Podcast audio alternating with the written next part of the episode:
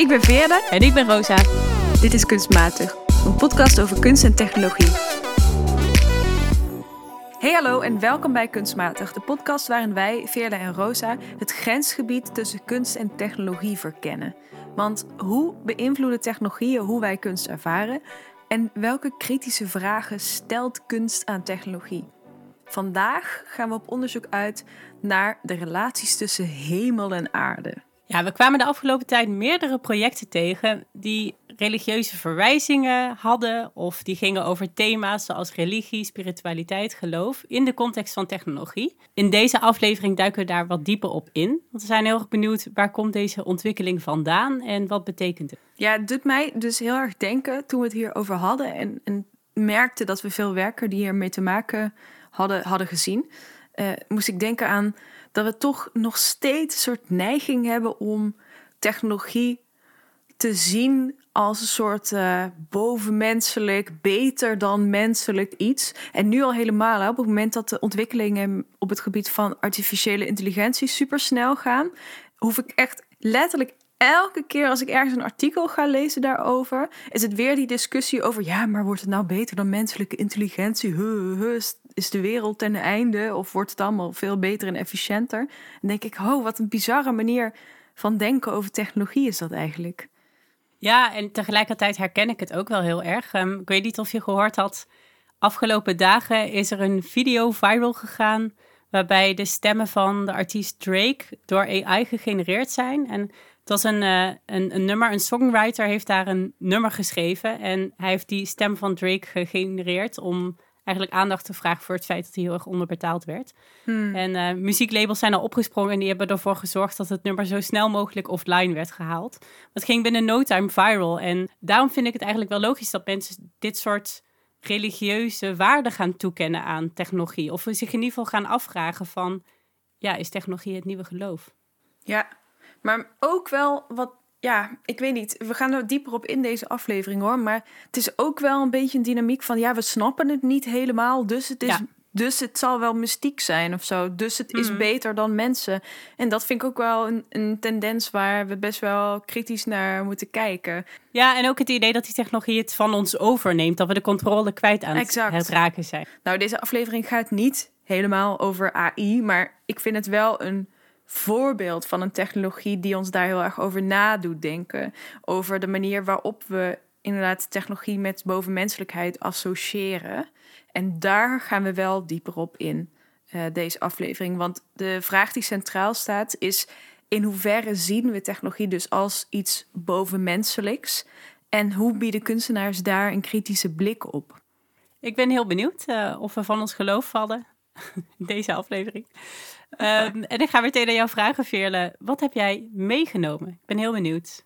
Ik heb een installatiekunstwerk meegenomen van Marguerite Hameau. Echo's heet het, dus echo's. Het is een ruimtevullende installatie met daarin een aantal witte sculpturen. Dus je moet je voorstellen, je komt een ruimte binnen en die is helemaal geel. Van vloer tot plafond. En het is een raar soort geel, een soort licht neongeel. Heel fel en heel bijna oogverblindend. En in die ruimte zie je dus een paar witte sculpturen. Je kan niet meteen zien wat voor materiaal. Het is geen marmer of zo. Het lijkt een soort plastic, maar glanzend. Eén is een soort slang.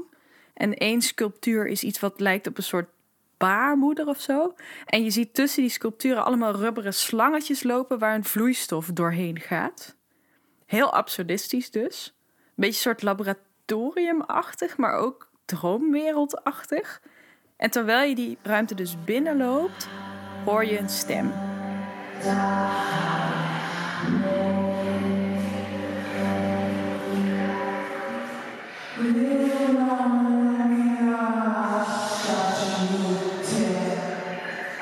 Oh, wat eng. ja. Dit vind ik echt geen fijn, uh, fijn geluid. Nee, het is een soort synthetische stem, hè? Oh, ja. En vrouwenstem dus. En als je verder gaat leren en lezen over het werk, leer je dat het de stem van Cleopatra moet voorstellen.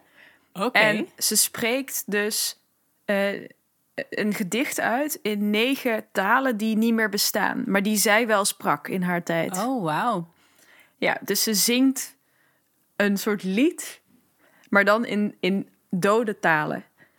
En dat heeft alles te maken Mhm. met de thematiek van het werk. Want dit werk dat gaat echt over leven en dood en onsterfelijkheid. En over bijgeloof en wetenschap.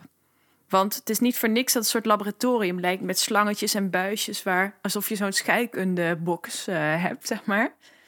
Het werk zet je heel erg aan het denken over de maakbaarheid van het leven. En in hoeverre Mhm. mensen al eeuwenlang een soort onsterfelijkheid nastreven. Dus die twee sculpturen die je ziet, hè, die ik noemde, Ja. die ene is een, eh, is een slang. En dat is eh Wadjet. Dat Ja. is een van de oudste Egyptische, Egyptische godinnen. Eh, en die gaat over bescherming. Dus over het beschermen van de leider van een land. Maar ook over het beschermen van vrouwen die aan het bevallen zijn. Want dat was in die tijd natuurlijk heel gevaarlijk. Dus een cobra die je beschermt. Die ook te maken heeft met momenten waar dood om de hoek komt kijken. Maar die Mhm. je dus beschermt. Dat, die andere sculptuur, die soort baarmoeder. met allemaal buisjes en tubes en zo eraan. Dat is Tawaret. Dat is ook een Egyptische godin. En dat is de godin van eh, fertiliteit, dus van vruchtbaarheid. Dus dat gaat ook heel erg over leven en dood natuurlijk. Oké, dus we hebben eigenlijk twee symbolen voor iets wat ook heel erg met lichamelijkheid te maken heeft. Maar dan Mhm. in een setting die op mij overkomt, als je het beschrijft, juist die heel steriel is bijna. Precies. De kunstenares heeft expres zo'n ja, ziekenhuisachtige sfeer neergezet... waarbij alle vloeren en muren dezelfde kleur hebben. Ook al is niet alles neongeel in een ziekenhuis natuurlijk. Eh, maar ook dat is geen toeval, want die kleur, hè, die, Ja. die rare gele kleur... Check echt onze Instagram om die te zien. Het is echt heel penetrerende kleur. Ehm, die is gemaakt op basis van het gif van de zwarte mamba. Dus een slang. Wauw, oké, ja. Ja, wat natuurlijk weer gelinkt is aan Cleopatra, die zogezegd eh zelfmoord zou hebben gepleegd met slangengif. Ja, dus we duiken ja het heel is veel echt- symboliek. We duiken heel ver de geschiedenis in het werk. Ja, Ehm, en kun je nog wat vertellen over die vloeistof? Hoe, wat voor soort vloeistof eh, ging er door die buisjes heen? het is een mix die de kunstenares zelf gebrouwen heeft. Ja. van allerlei soorten eh, vloeistoffen waarvan mensen geloven dat ze, dat ze zouden kunnen helpen bij onsterfelijkheid. Dus er zit het bloed van een bepaald soort alligator, borstmelk die ze zelf online heeft gekocht. Ehm, eh, allerlei spe- specifieke chemicaliën die in eh, de ontwikkeling van medicijnen worden gebruikt. En, dit vind ik heel raar, hoe heeft ze daar in godsnaam aangekomen, maar dat heb ik niet kunnen vinden. eh, de melk van een nijlpaard uit een Taiwanese dierentuin. Oké, specifiek. Dus het zijn allemaal, wat daar rondgepompt wordt, Mhm. is een, ja, echt een, een, een toverdrank bijna. Van allemaal dingen waar mythisch gezien mensen in hebben geloofd of in geloven dat het bijdraagt aan onsterfelijkheid, aan gezondheid. Ja, want ik ben eigenlijk wel benieuwd naar wat, hoe het voor jou voelde om in die ruimte te staan. Ik heb dit een paar jaar geleden gezien en het is me altijd bijgebleven. Omdat het ook één hele grote ruimte was, was je er echt in. Dus zodra je binnenliep, werd je helemaal opgeslokt door het werk. En omdat er zo'n mix was tussen en mythologische symbolen die je dan langzaam maar zeker leerde kennen, want die kende ik natuurlijk allemaal helemaal niet. Maar langzaam maar zeker werd het dan mogelijk voor mij om die te verbinden aan wat ik dan wel herkende. Dus dat ik zag, oh, allemaal buisjes, dat doet me denken aan een soort standaardbeeld van laboratorium. Een baarmoeder, eh, dat zet me aan het denken over, goh, in hoeverre is de westerse medische wetenschap ook bezig met een soort streven naar optimale mensen. Ja. Waarbij we dus ook eh, eh, genetische modificatie inmiddels eh, toepassen en dergelijke.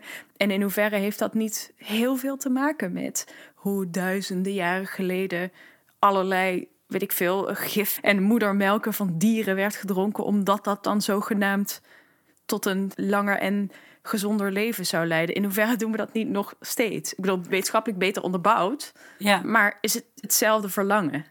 ja, dat is mooi. Dus het brengt aan de ene kant die symboliek en die lange historie van bezig zijn met onsterfelijkheid en vragen rondom de dood en die niet onder ogen willen komen, samen met diezelfde drang die nu ook heel erg in de wetenschap aanwezig is natuurlijk, waar ook voortdurend wordt gekeken naar hoe kunnen we mensen langer laten leven, eh, zo lang mogelijk gezond kunnen houden. En dat in een hele overweldigende installatie die zowel visueel prikkelend is als auditief van alles doet. Want daar werd nog niet veel over gehad, maar ik vind het wel interessant dat er dus dode talen gesproken worden, waarbij de kunstenaar nou zelf eigenlijk een rol speelt in het nou, ergens tot leven wekken van iets al wat, wat al overleden is of wat, wat niet meer bestaat in die zin. Wat deed het met jou toen je erachter kwam dat het niet gewoon gibberish was, maar dat het dode talen waren waar je naar aan het luisteren was? Ja, voor mij voegde dat nog een extra laag echt aan het werk toe.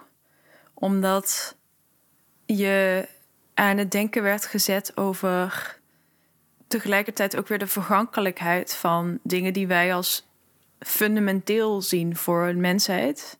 Namelijk een taal. Ik kan me ik bijna niet voorstellen dat het Nederlands op een gegeven moment niet meer zou bestaan. Dat niemand dat meer kent, dat niemand dat meer spreekt. Dat dat klinkt als een soort rare gorgelende eh, taal voor iemand uit eh, duizend jaar van nu, dus uit 3023. Dus op die manier laat het je nadenken over hoe die onsterfelijkheid ook heel erg cultureel is. Hoe dat samenhangt met hoe je gewend bent te leven en hoe je dat normaal bent, bent gaan vinden. En dat dat ooit anders zou kunnen zijn. Maar het mooie daaraan was, was dat, dat haakt weer aan wat ik net al zei. Dat het werk dus ook laat zien dat bepaalde dynamieken misschien zo oud zijn als de mensheid. Dat vrezen voor de dood, het streven naar zo goed mogelijk en zo lang mogelijk leven, liefst nog eens onsterfelijkheid kunnen vinden en uitvinden.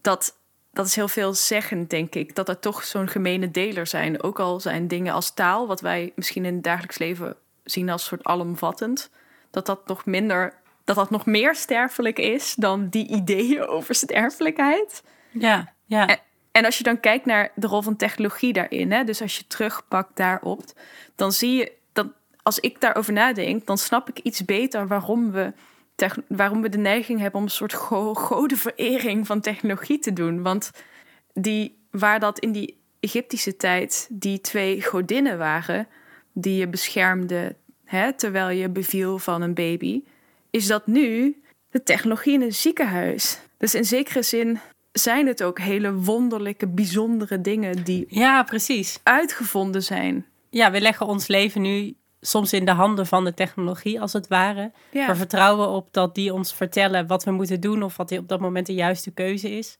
Technologieën lezen onze lichamen Mhm. en zijn daar heel belangrijk in. Ja, precies. Oké, dat- het, is, het is best een ingewikkelde link, maar ik begrijp wel goed nu hoe je, ja, hoe je hem legt. Ja, het is wel. Het is, ik snap dat het niet helemaal voor de hand liggend is. Ik, ik zeg al, ik heb dit een paar jaar geleden gezien, dus ik heb er lang over na kunnen denken. Ja, Maar, maar het is wel zo. Het is wel. go- Goden in het verleden waren ook een soort houvast op de dingen die je niet begreep. Om te begrijpen hoe van die dingen als sterfelijkheid, als de geboorte van, van een kind, hoe dat in godsnaam mogelijk zou zijn, terwijl het ook zo gevaarlijk is. En nu worden we bijna een soort van ondersteund door een vangnet van technologische ontwikkeling die ons ondersteunt. ja, en die technologische ontwikkelingen zijn inmiddels ook zo complex geworden dat we niet meer allemaal kunnen bevatten hoe ze werken. Ook mensen die zelfs heel technisch onderlegd zijn of programmeren kunnen nooit van alle technologieën weten hoe ze werken natuurlijk. Dus Nee. ik denk met die steeds com- verder complex worden van die technologieën en de systemen om ons heen, dat misschien daarin ook wel die religieuze waarde die het ergens krijgt, of in ieder geval dat gevoel van we begrijpen niet precies wat het met ons doet, maar het heeft wel effect op ons, dat dat vergroot. Mhm. Nou, Veerle, ik ben, eh, ik denk dat ik het al wel weet, Ja. maar dit installatiewerk, is dat voor jou kunst of is het matig? absoluut kunst. Dit werk van Hamo ehm, heeft gewoon al jarenlang een indruk bij me achtergelaten. En bij dit, dit is nou typisch zo'n werk dat als je me toen, toen ik in die expo stond, had gevraagd van bespreek dit eens, had ik het waarschijnlijk niet meteen gekund. Maar ik voelde daar al dat ik ervan onder de indruk was.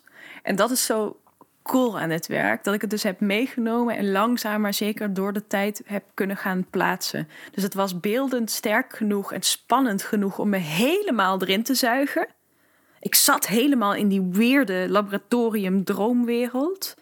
En die is me bijgebleven. En dan langzaam maar zeker die thematieken konden dan bij me indalen, waardoor ik er later over na ging denken. Dus wat dat betreft is dat voor mij een hele fijne manier waarop kunst zo'n impact op mij kan hebben.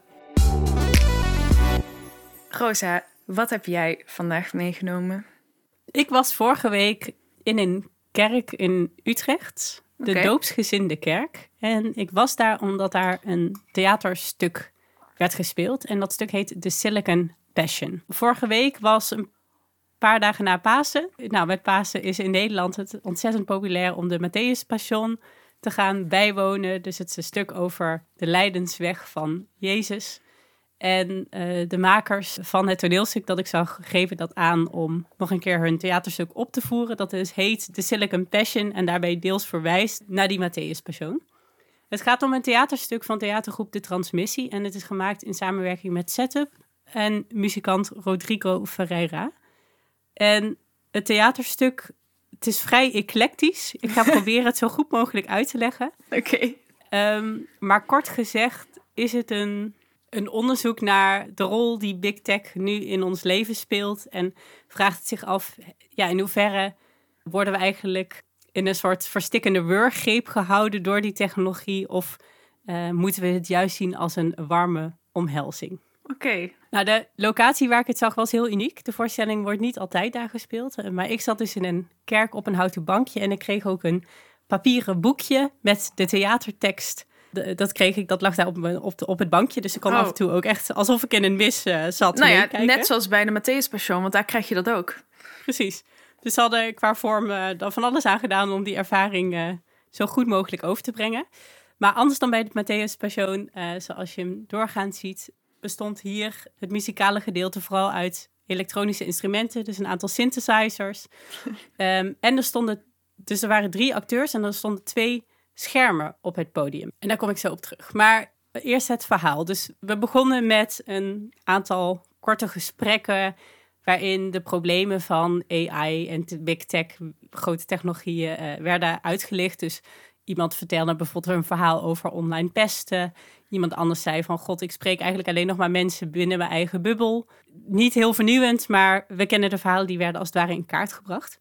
En toen, en dan komt die Matthäus persoon erbij kijken, ontstond er een, eh, een soort tribunaal. Want die vraag kwam eh, naar voren van, wat moeten we nou met die technologie?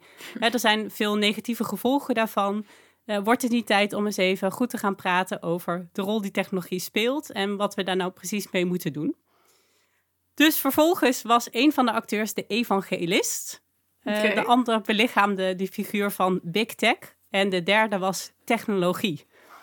En daar werd het voor mij een klein beetje verwarrend. Big tech en technologie als Ja. twee losse personages? Ja, dat vond ik ook vrij vreemd. Wat de theatermakers daarmee wilden doen, vermoed ik, is een verschil maken tussen ja, technologie aan zich als het apparaat, het systeem en de manier waarop die technologie wordt gebruikt. En ik denk dat dat ook heel centraal stond in het stuk. Dus wat betekent het dat bedrijven zoals Facebook, of nu moet ik zeggen Meta en, eh, en Google bepaalde technologieën ontwikkelen en die voor bepaalde doeleinden inzetten. Hè? Technologie is er natuurlijk altijd geweest, maar wat wel uniek aan deze tijd is, is dat die big tech bedrijven ook ontzettend veel data verzamelen. Nou, vervolgens eh, in dat tribunaal kwamen er allemaal voor- en tegenargumenten waarom we big tech verantwoordelijk was voor de problemen die er bestaan, of dat het technologie als systeem was.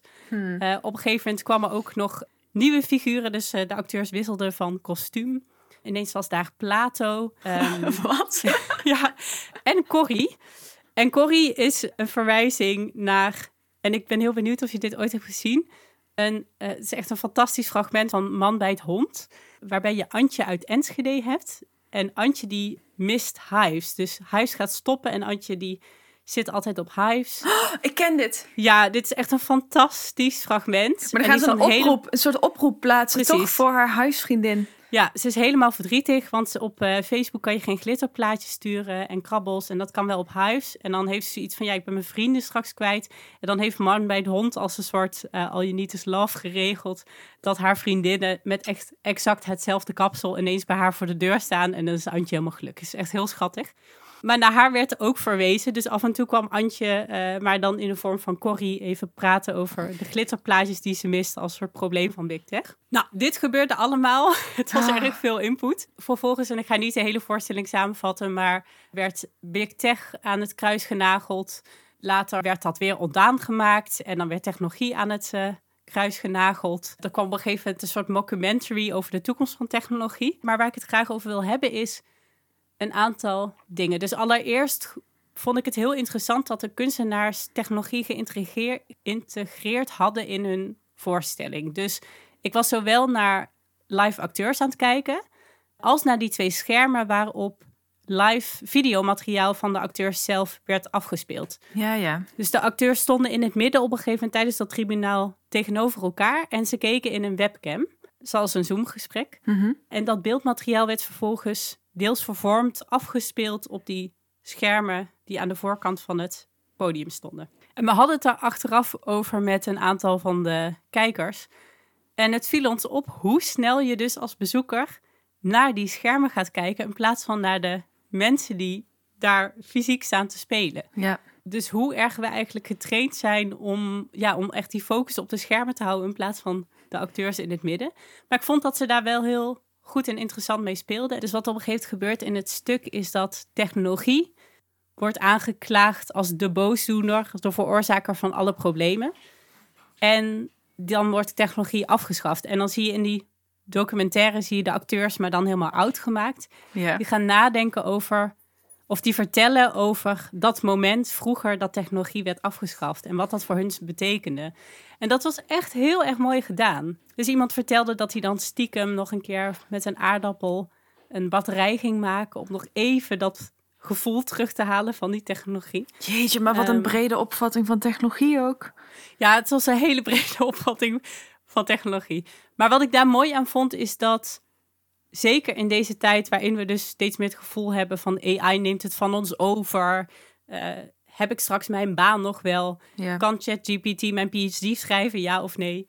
Ehm, dat de voorstelling je daardoor wel echt dwong om na te denken van wat, wat zou dat concreet betekenen als we nu zeggen we stoppen daarmee, we halen alle technologie weg uit ons leven. En dat is een gedachte-experiment wat je natuurlijk altijd wel kunt doen. Maar door die specifieke vorm van die acteurs en dat theaterstuk werd dat heel concreet in één keer. Mhm. En dat vond ik wel heel, wel heel mooi. Hm. Verder, ja, het was, het was een stuk van ongeveer anderhalf uur. Er gebeurde ontzettend veel. Ik denk uh, op sommige momenten dat ze technologie, big tech, dat ze die dingen een beetje simplificeren. Ja. Um, en tegelijkertijd denk ik wel dat de voorstelling mooi inzichtelijk maakt hoe complex onze relatie eigenlijk is met technologie. Hoe we aan de ene kant ontzettend veel verwachtingen hebben ervan, hoe het ons leven veel makkelijker maakt. Maar tegelijkertijd ook veel problemen creëert die daar niet los van gezien kunnen worden. Ja, waar, ik. Het is inderdaad heel veel uh, informatie, maar oké, de basis is wel duidelijk van dat het een toneelstuk is dat die thematieken uh, aansnijdt op die manier en ook op een beetje ludieke manier, zo klinkt het. Ja. Maar waar ik wel nog een beetje mee zit is, ja, ze hebben natuurlijk niet voor niks het Silicon Passion genoemd. En die analogie met de Matthäus Passion als de lijdensweg van Christus genomen. Wat als we dat nou wel even serieus nemen? Wie was dan in dit verhaal Christus en wat zegt dat dan? En, want in zekere zin is daar natuurlijk het punt dat het wel berecht wordt, maar dat dat niet terecht is. Ja, ik begrijp wat je bedoelt. Nou, ik, toen ik het stuk aan het kijken was, was ik ook wel sterk op zoek naar die analogie. Hij zit denk ik vooral heel erg in de vorm. Uh, er werd ook muziek gebruikt uit de Matthäus Passion, maar dan in elektronische vorm. Hmm. En er werden een aantal elementen uitgenomen, zoals die kruisiging. Maar in dit geval was het Big Tech die aan het kruis genageld werd in eerste zin. Maar die wel een slechterik was, in zekere ja, zin. die wel een slechterik was en waar ze ook de spot meedreven. En dat was op zich goed gedaan. Dus je hoorde, Big Tech begon de hele tijd allemaal van die typische Apple-slogans te zeggen, weet je wel. This one is voor de nerds, voor de mensen die zich afzetten, voor de mensen die wat anders durven doen. Dus heel erg dat, ja, met de opkomst van het internet, dat idee van die techneuten, van die nerds als de helden, de mensen die het anders zullen, zullen gaan doen. Alleen inmiddels is dat natuurlijk al lang niet meer zo. Silicon Valley heeft ontzettend veel macht. Programmeurs hebben ontzettend veel macht. Dus die, die rol daarvan is verschoven. Dat eh, voerden ze op met veel ironie. Dus daar mocht ook om gelachen worden. Maar tegelijkertijd werd Big Tech eigenlijk wel neergezet als de slechterik. Dus die analogie ging daar gewoon totaal niet sterk op. En als het ging over de momenten waarop Big Tech ons zou helpen, ja, bleef dat soms ook een beetje in het onduidelijke. Ik bedoel, dat je kunt krabbelen met hives is nogal Ja, of je dat nou inderdaad nodig hebt als mensheid, Ja. kun je je afvragen. Ja. Ja. Dus daarin hebben ze ook wel bepaalde keuzes maken in het opvoeren van personages. En wat ik daarin jammer vond, is dat ik merkte dat het, het waren drie mannelijke acteurs. Alle technologietypes waren man. Plato is natuurlijk een man. En eigenlijk de enige vrouw die in het stuk voorkwam, was dus Corrie met de glitterplaatjes. Hmm. En dat vind ik jammer in een tijd waarbij we allemaal te maken hebben met technologie in een hele serieuze vorm. Dat vind ik dan gewoon ge- wel een gemiste kans. Ja, snap ik. hey, maar Roos, volgens mij is dit niet zo'n eenduidige als normaal. Ik hoor best wel verschillende kanten, verschillende overwegingen. En het werk past heel goed, denk ik, in het thema van vandaag. Maar de vraag is dan een beetje, in hoeverre is er te veel ironie misschien? Of te veel op de grap gespeeld? Ik weet het niet. Ik ben heel benieuwd wat het wordt, kunststofmatig. Ja, moeilijke vraag. En ik wil die vraag denk ik op twee manieren beantwoorden. Aan de ene kant vond ik het stuk echt absoluut de moeite waard. Ik denk dat het leuke vragen, belangrijke vragen oproept over ja, zingeving in het digitale tijdperk, over de waarde en controle die we toedienen aan technologie. En soms kan het ook wel zinvol zijn om een beetje een onderscheid te maken tussen de technologische mogelijkheden die er bestaan en de manier waarop bedrijven die inzetten. Ik bedoel, we zouden technologie ook op een hele andere manier kunnen benaderen en kunnen inzetten dan die grote techbedrijven op dit moment doen. Dus daar biedt het stuk wel ruimte voor om daarover na te denken. Ja, snap ik. En wat ik heel mooi vond aan het stuk, heel waardevol, is het feit dat dit een theaterstuk was. In de beeldende kunst of in de nieuwe mediakunst is er natuurlijk al lang veel aandacht voor dit thema. En ik vond het zelf heel waardevol om eens een keer in een theater te zitten waarbij je niet je telefoon kunt pakken, echt even anderhalf uur helemaal in die voorstelling moet opgaan. Soms raak je de draad kwijt, soms denk je ook even van pff, het duurt lang. Maar dat is juist heel belangrijk en goed, denk ik, in een tijd waarbij we voortdurend maar die korte aandachtspannen hebben. Dus door even naar echte acteurs, fysieke acteurs te kijken. Daardoor, zeker in die context van de kerk, vond ik het wel een hele waardevolle ervaring. Die me weer aan het nadenken zette. Wat ik wel denk, eh, is dat soms de benadering van ja, technische onderwerpen wat te simpel en wat te verwarrend door, wat veel door elkaar was gehaald. Dus soms was dat wel wat verwarrend. En dat zorgde ervoor dat de vragen die het stuk oproept ook wat warrig zijn. Een beetje gemixt, uiteindelijk. Ja, zeker potentie voor kunst, maar ook nog wel ruimte voor verbetering.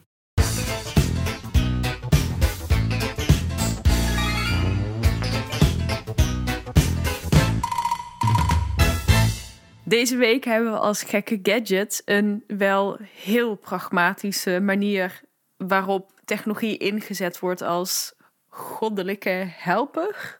Namelijk een Japanse robot die is aangetreden als boeddhistisch priester. Hij heet Mindar. Ja, het doel van deze priester is om een bepaalde boeddhistische traditie in leven te houden en mensen blijven enthousiasmeren voor het geloof. Eh, wat, wat er gebeurde bij die tempel is dat er steeds minder mensen waren die bereid waren of de kennis hadden om al die boeddhistische missen te houden en al die, en al die boeddhistische kennis te uiten. En het idee was, als we daar nou een robot voor instellen, dan kan die kennis nooit verloren gaan. Dus Mindar is een heel androgyne robot. Hij is gemaakt van aluminium. Hij is ongeveer 1,80 meter lang. En hij weegt ongeveer 35 kilo, dus hij is echt een dunne boy. En hij predikt Voornamelijk, hij is niet in staat om echt gesprek aan te gaan met mensen. Want dit is niet echt het type robot, denk ik, waar wij nu bang uh, voor hoeven te zijn. Want hij heeft geen machine learning. Uh, hij draait niet uh, op een zelflerend algoritme. Het is eerder zo dat hij gevoerd is met heel veel preken en slogans en wijsheid uit het boeddhisme. En dat, nou ja, dat levert hij in die tempel in Kyoto. Wat ik zelf opvallend vond, ik was wat artikels aan het lezen over deze robot. En een medewerker van de tempel die zei over de robot: Deze robot gaat nooit dood. Hij zal zichzelf voor altijd blijven updaten en evolueren.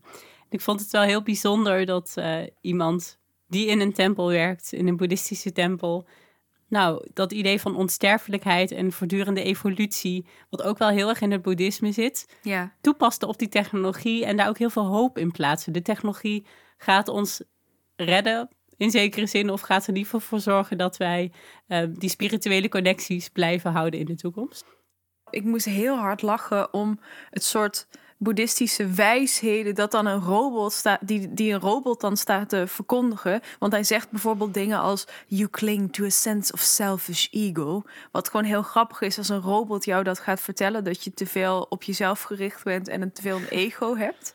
En van wereldse verlangens zijn niets anders dan een gedachte die verdwaald is op zee. denk ik, oh, oké. Heel diep. Uh, maar dan denk ik ook, ja, die robot weet natuurlijk helemaal niks van wereldse verlangens. Dus het is voor mij ook een bizar iets. En de meningen waren er ook ontzettend over verdeeld. Dus sommige mensen vonden dat hij een ontzettend warme robot was. Die heel prettig was om naar te luisteren. Maar anderen vonden hem uh, heel eng. Op een sokkeltje. Deze keer in Op een sokkeltje bespreken we het werk van Dasha Ilina. Dasha Ilina is een van oorsprong Russische kunstenaar. En ze, heeft nu, ze werkt nu in residency bij Impact in Utrecht. En naar werk onderzoekt ze voortdurend onze relaties met de apparaten om ons heen. Ja, en we blijven nog even bij robots. Want we gaan het werk Let Me Fix You bespreken dat zij heeft gemaakt. Het is een videowerk dat gaat over ASMR. Dat, dat betekent uh, Autonomous Sensory Meridian Response. Maar die afkorting wist ik helemaal niet. Ik ken het gewoon van YouTube-filmpjes waarin mensen zo heel zachtjes in de microfoon gaan praten. En dat dat dan heel rustgevend moet zijn. Maar ik krijg daar dus altijd de kribbels van. Maar dat valt te verklaren omdat blijkbaar is maar 20% van de mensen gevoelig voor ASMR, las ik. Zo weinig? Ja, weinig hè. Maar het is dus zo dat blijkbaar sommige mensen, als ze dat soort geluiden horen, misschien ken je die filmpjes wel, dus het is heel vaak heel veel gefluisteren. Maar ook mensen die zo, ik weet niet of je dat hoort, zo gaan tikken met hun nagels mm op de microfoon en zo. Wij kunnen hier nu dit hele item in ASMR doen, maar dat, houden, dat, zullen we maar niet doen. Zeker niet van de luisteraars die er allergisch voor zijn. Exact. Maar in ieder geval, 20% van de mensen krijgt daar dus echt een tintelende sensatie op. Ik, heb, ik kijk geen ASMR-video's, ik vind dat niet fijn, maar ik heb dus wel dat gevoel heel erg. Oh. Um, en het is niet per se verbonden aan het digitale domein. Dus ik heb het ook heel erg, kwam ik achter als ik in een winkel ben en een medewerker vraagt, kan ik het, is het een cadeautje, zal ik het voor je inpakken? En als iemand een cadeautje gaat inpakken, dan vind ik dat een heel prettig gevoel. Echt? Ja, en dat is dus ook ASMR. Dus dan heb ik echt dat tintelende gevoel Oh, zoals dat omschreven wordt. Ja. Wat grappig. Maar ik nou. dacht eerlijk gezegd dat iedereen dat had. Nee. Ik vind het een beetje shocking dat met 20% van de mensen dit nee, heeft. Nee, ik heb dit echt niet. Dit is echt, ik heb er nooit iets van begrepen. Ik ken dat gevoel niet. De hele omschrijving is mij vreemd. Oh, wat grappig. Kreeg jij dit gevoel toen je de video aan het kijken was? Nee, totaal niet. Want ik krijg nooit oh, ja, gevoel. ik dus wel. Meen je dat nou? Ja. ja. Ik werd er heel ontspannen van. Echt waar? Ja. Oh, wat Ik dacht dat iedereen dit had. Nee, helemaal niet. Ik voel niks. Ik zit gewoon een video. Ik zit gewoon de hele tijd. Als ik dat zie, dan zie ik gewoon een video waarin in iemand de hele tijd zit te fluisteren. En dan denk ik, ja, oké. Ik krijg daar geen fysieke sensatie van. Niks. ik wel. grappig. Maar in ieder geval, hoe dan ook, dat is het uitgangspunt. Het werk gebruikt uh, eh, ASMR, maar um, ehm, Dasha gebruikt ASMR om een groter thema aan te snijden in onze technologische cultuur.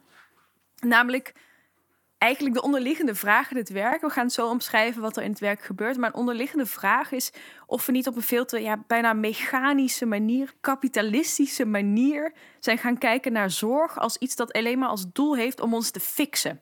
Zorgen dat het weer allemaal werkt. Dat je je stress kan loslaten. En het idee dat je dat dan met een YouTube-video van 15 minuten kan fixen. Dat zegt veel over hoe we zorg zien in onze maatschappij. En in het werk van Dasha ziet dat er als volgt uit. Je kijkt naar een scherm en op dat scherm zijn een aantal radartjes of een, soort raster te zien.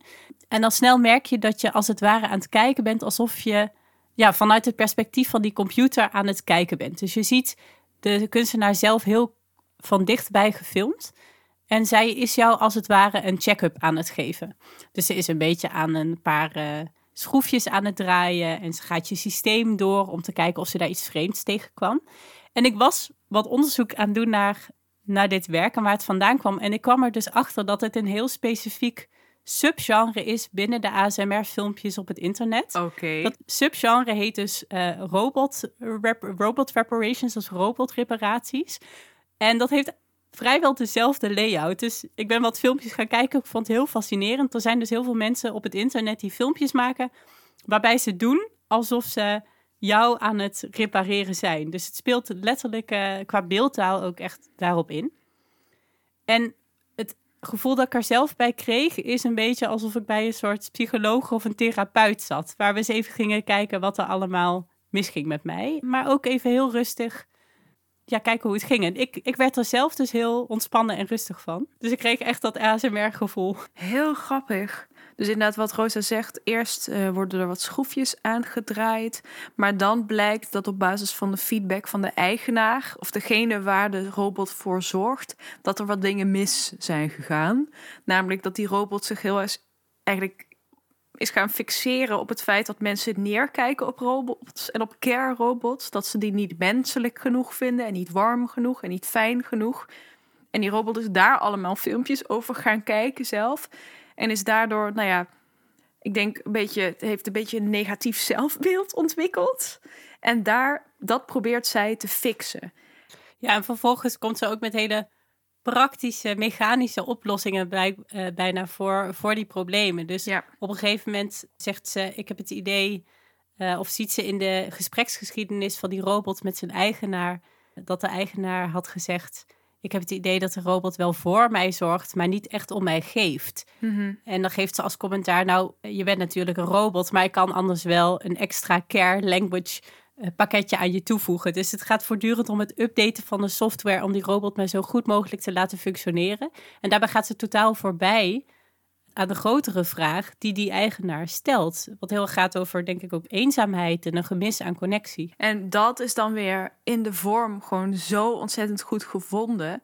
Omdat die hele vorm van de ASMR video voorbij gaat aan het feit dat mensen blijkbaar zo'n prettige lichamelijke ervaring zoeken. En daarom op YouTube gaan zoeken naar filmpjes waarin mensen doen alsof ze een robot fixen. om maar dat lekkere gevoel te krijgen. Dat ik dus helaas niet kan voelen. Waarbij je ook in zekere zin met een soort rare software-oplossing. een misschien veel groter probleem probeert ja, weg te duwen eruit te updaten. Alsof wij ook een, uh, een empathie-update moeten krijgen af en toe. Zodat we weer op ons werk mee kunnen luisteren naar het gezeur van die ene collega. Het is heel herkenbaar, vind ik. Maar het doet op een hele grappige manier. Want het is ook echt heel grappig.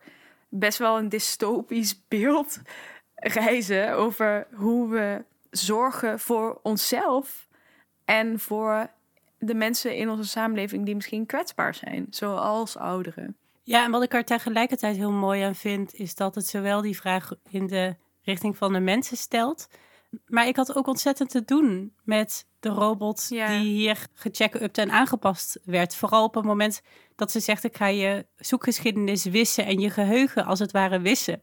Had ik echt met die robot te doen. Ik dacht, jeetje, wordt er ook naar die, naar die robot zelf geluisterd. En ik vond het heel knap dat je in, ja, wat is het in totaal, een minuut of negen, tien, eh, die empathie echt kunt opwekken. Dus het gaat zowel over die grotere vragen over wat betekent dit voor ons als mensen, maar ergens stelt het ook een vraag over hoe zorgen we voor technologie. Volgens mij zijn we dan rond deze aflevering. Want in het begin vroegen we ons natuurlijk af hoe, in hoeverre we, we technologie als een soort bovenmenselijk zien. En hoe kunstenaars een kritische blik daarop bieden.